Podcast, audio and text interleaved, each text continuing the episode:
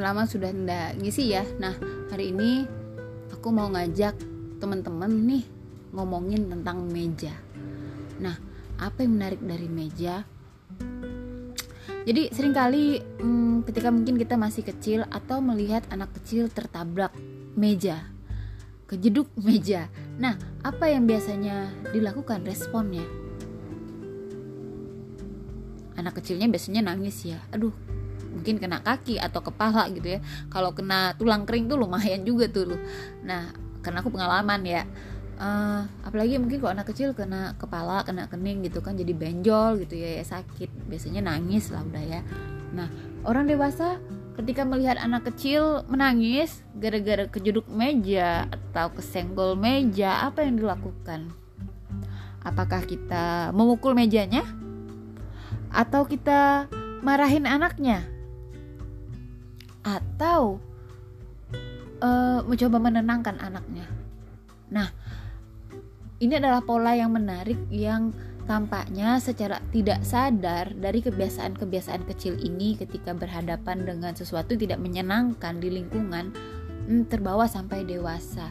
Ketika ada suatu permasalahan membuat kita tidak nyaman, membuat kita tadi menangis gitu ya. Eh, apa yang dilakukan? Diterima emosinya, ditenangkan, disalahkan, menyalahkan diri sendiri atau uh, menyalahkan tadi benda mati atau benda sesuatu yang di luar diri kita. Nah, uh, balik lagi mungkin di sini ingin mengingatkan tentang aku ingin mengingatkan tentang locus of control.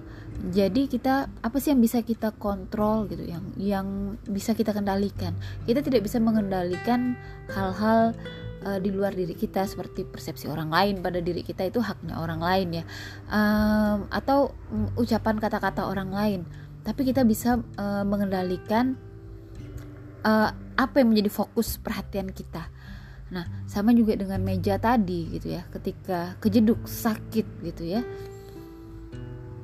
Mengapa harus marahin mejanya gitu loh benda mati. Ya udah oh oke okay, kita salah naruh. Ya udah dipinggirin gitu kan mejanya. Tapi ya yang mengat yang bisa kita lakukan adalah mengatur perilaku kita. Dan menyalahkan itu bukanlah solusi.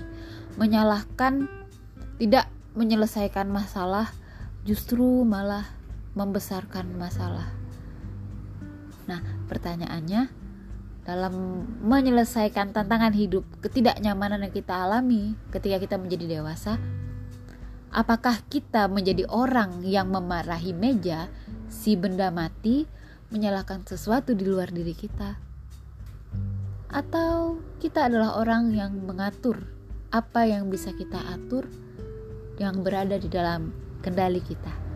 Oke, selamat sore teman-teman. Semoga sama-sama bisa kita saling menginspirasi.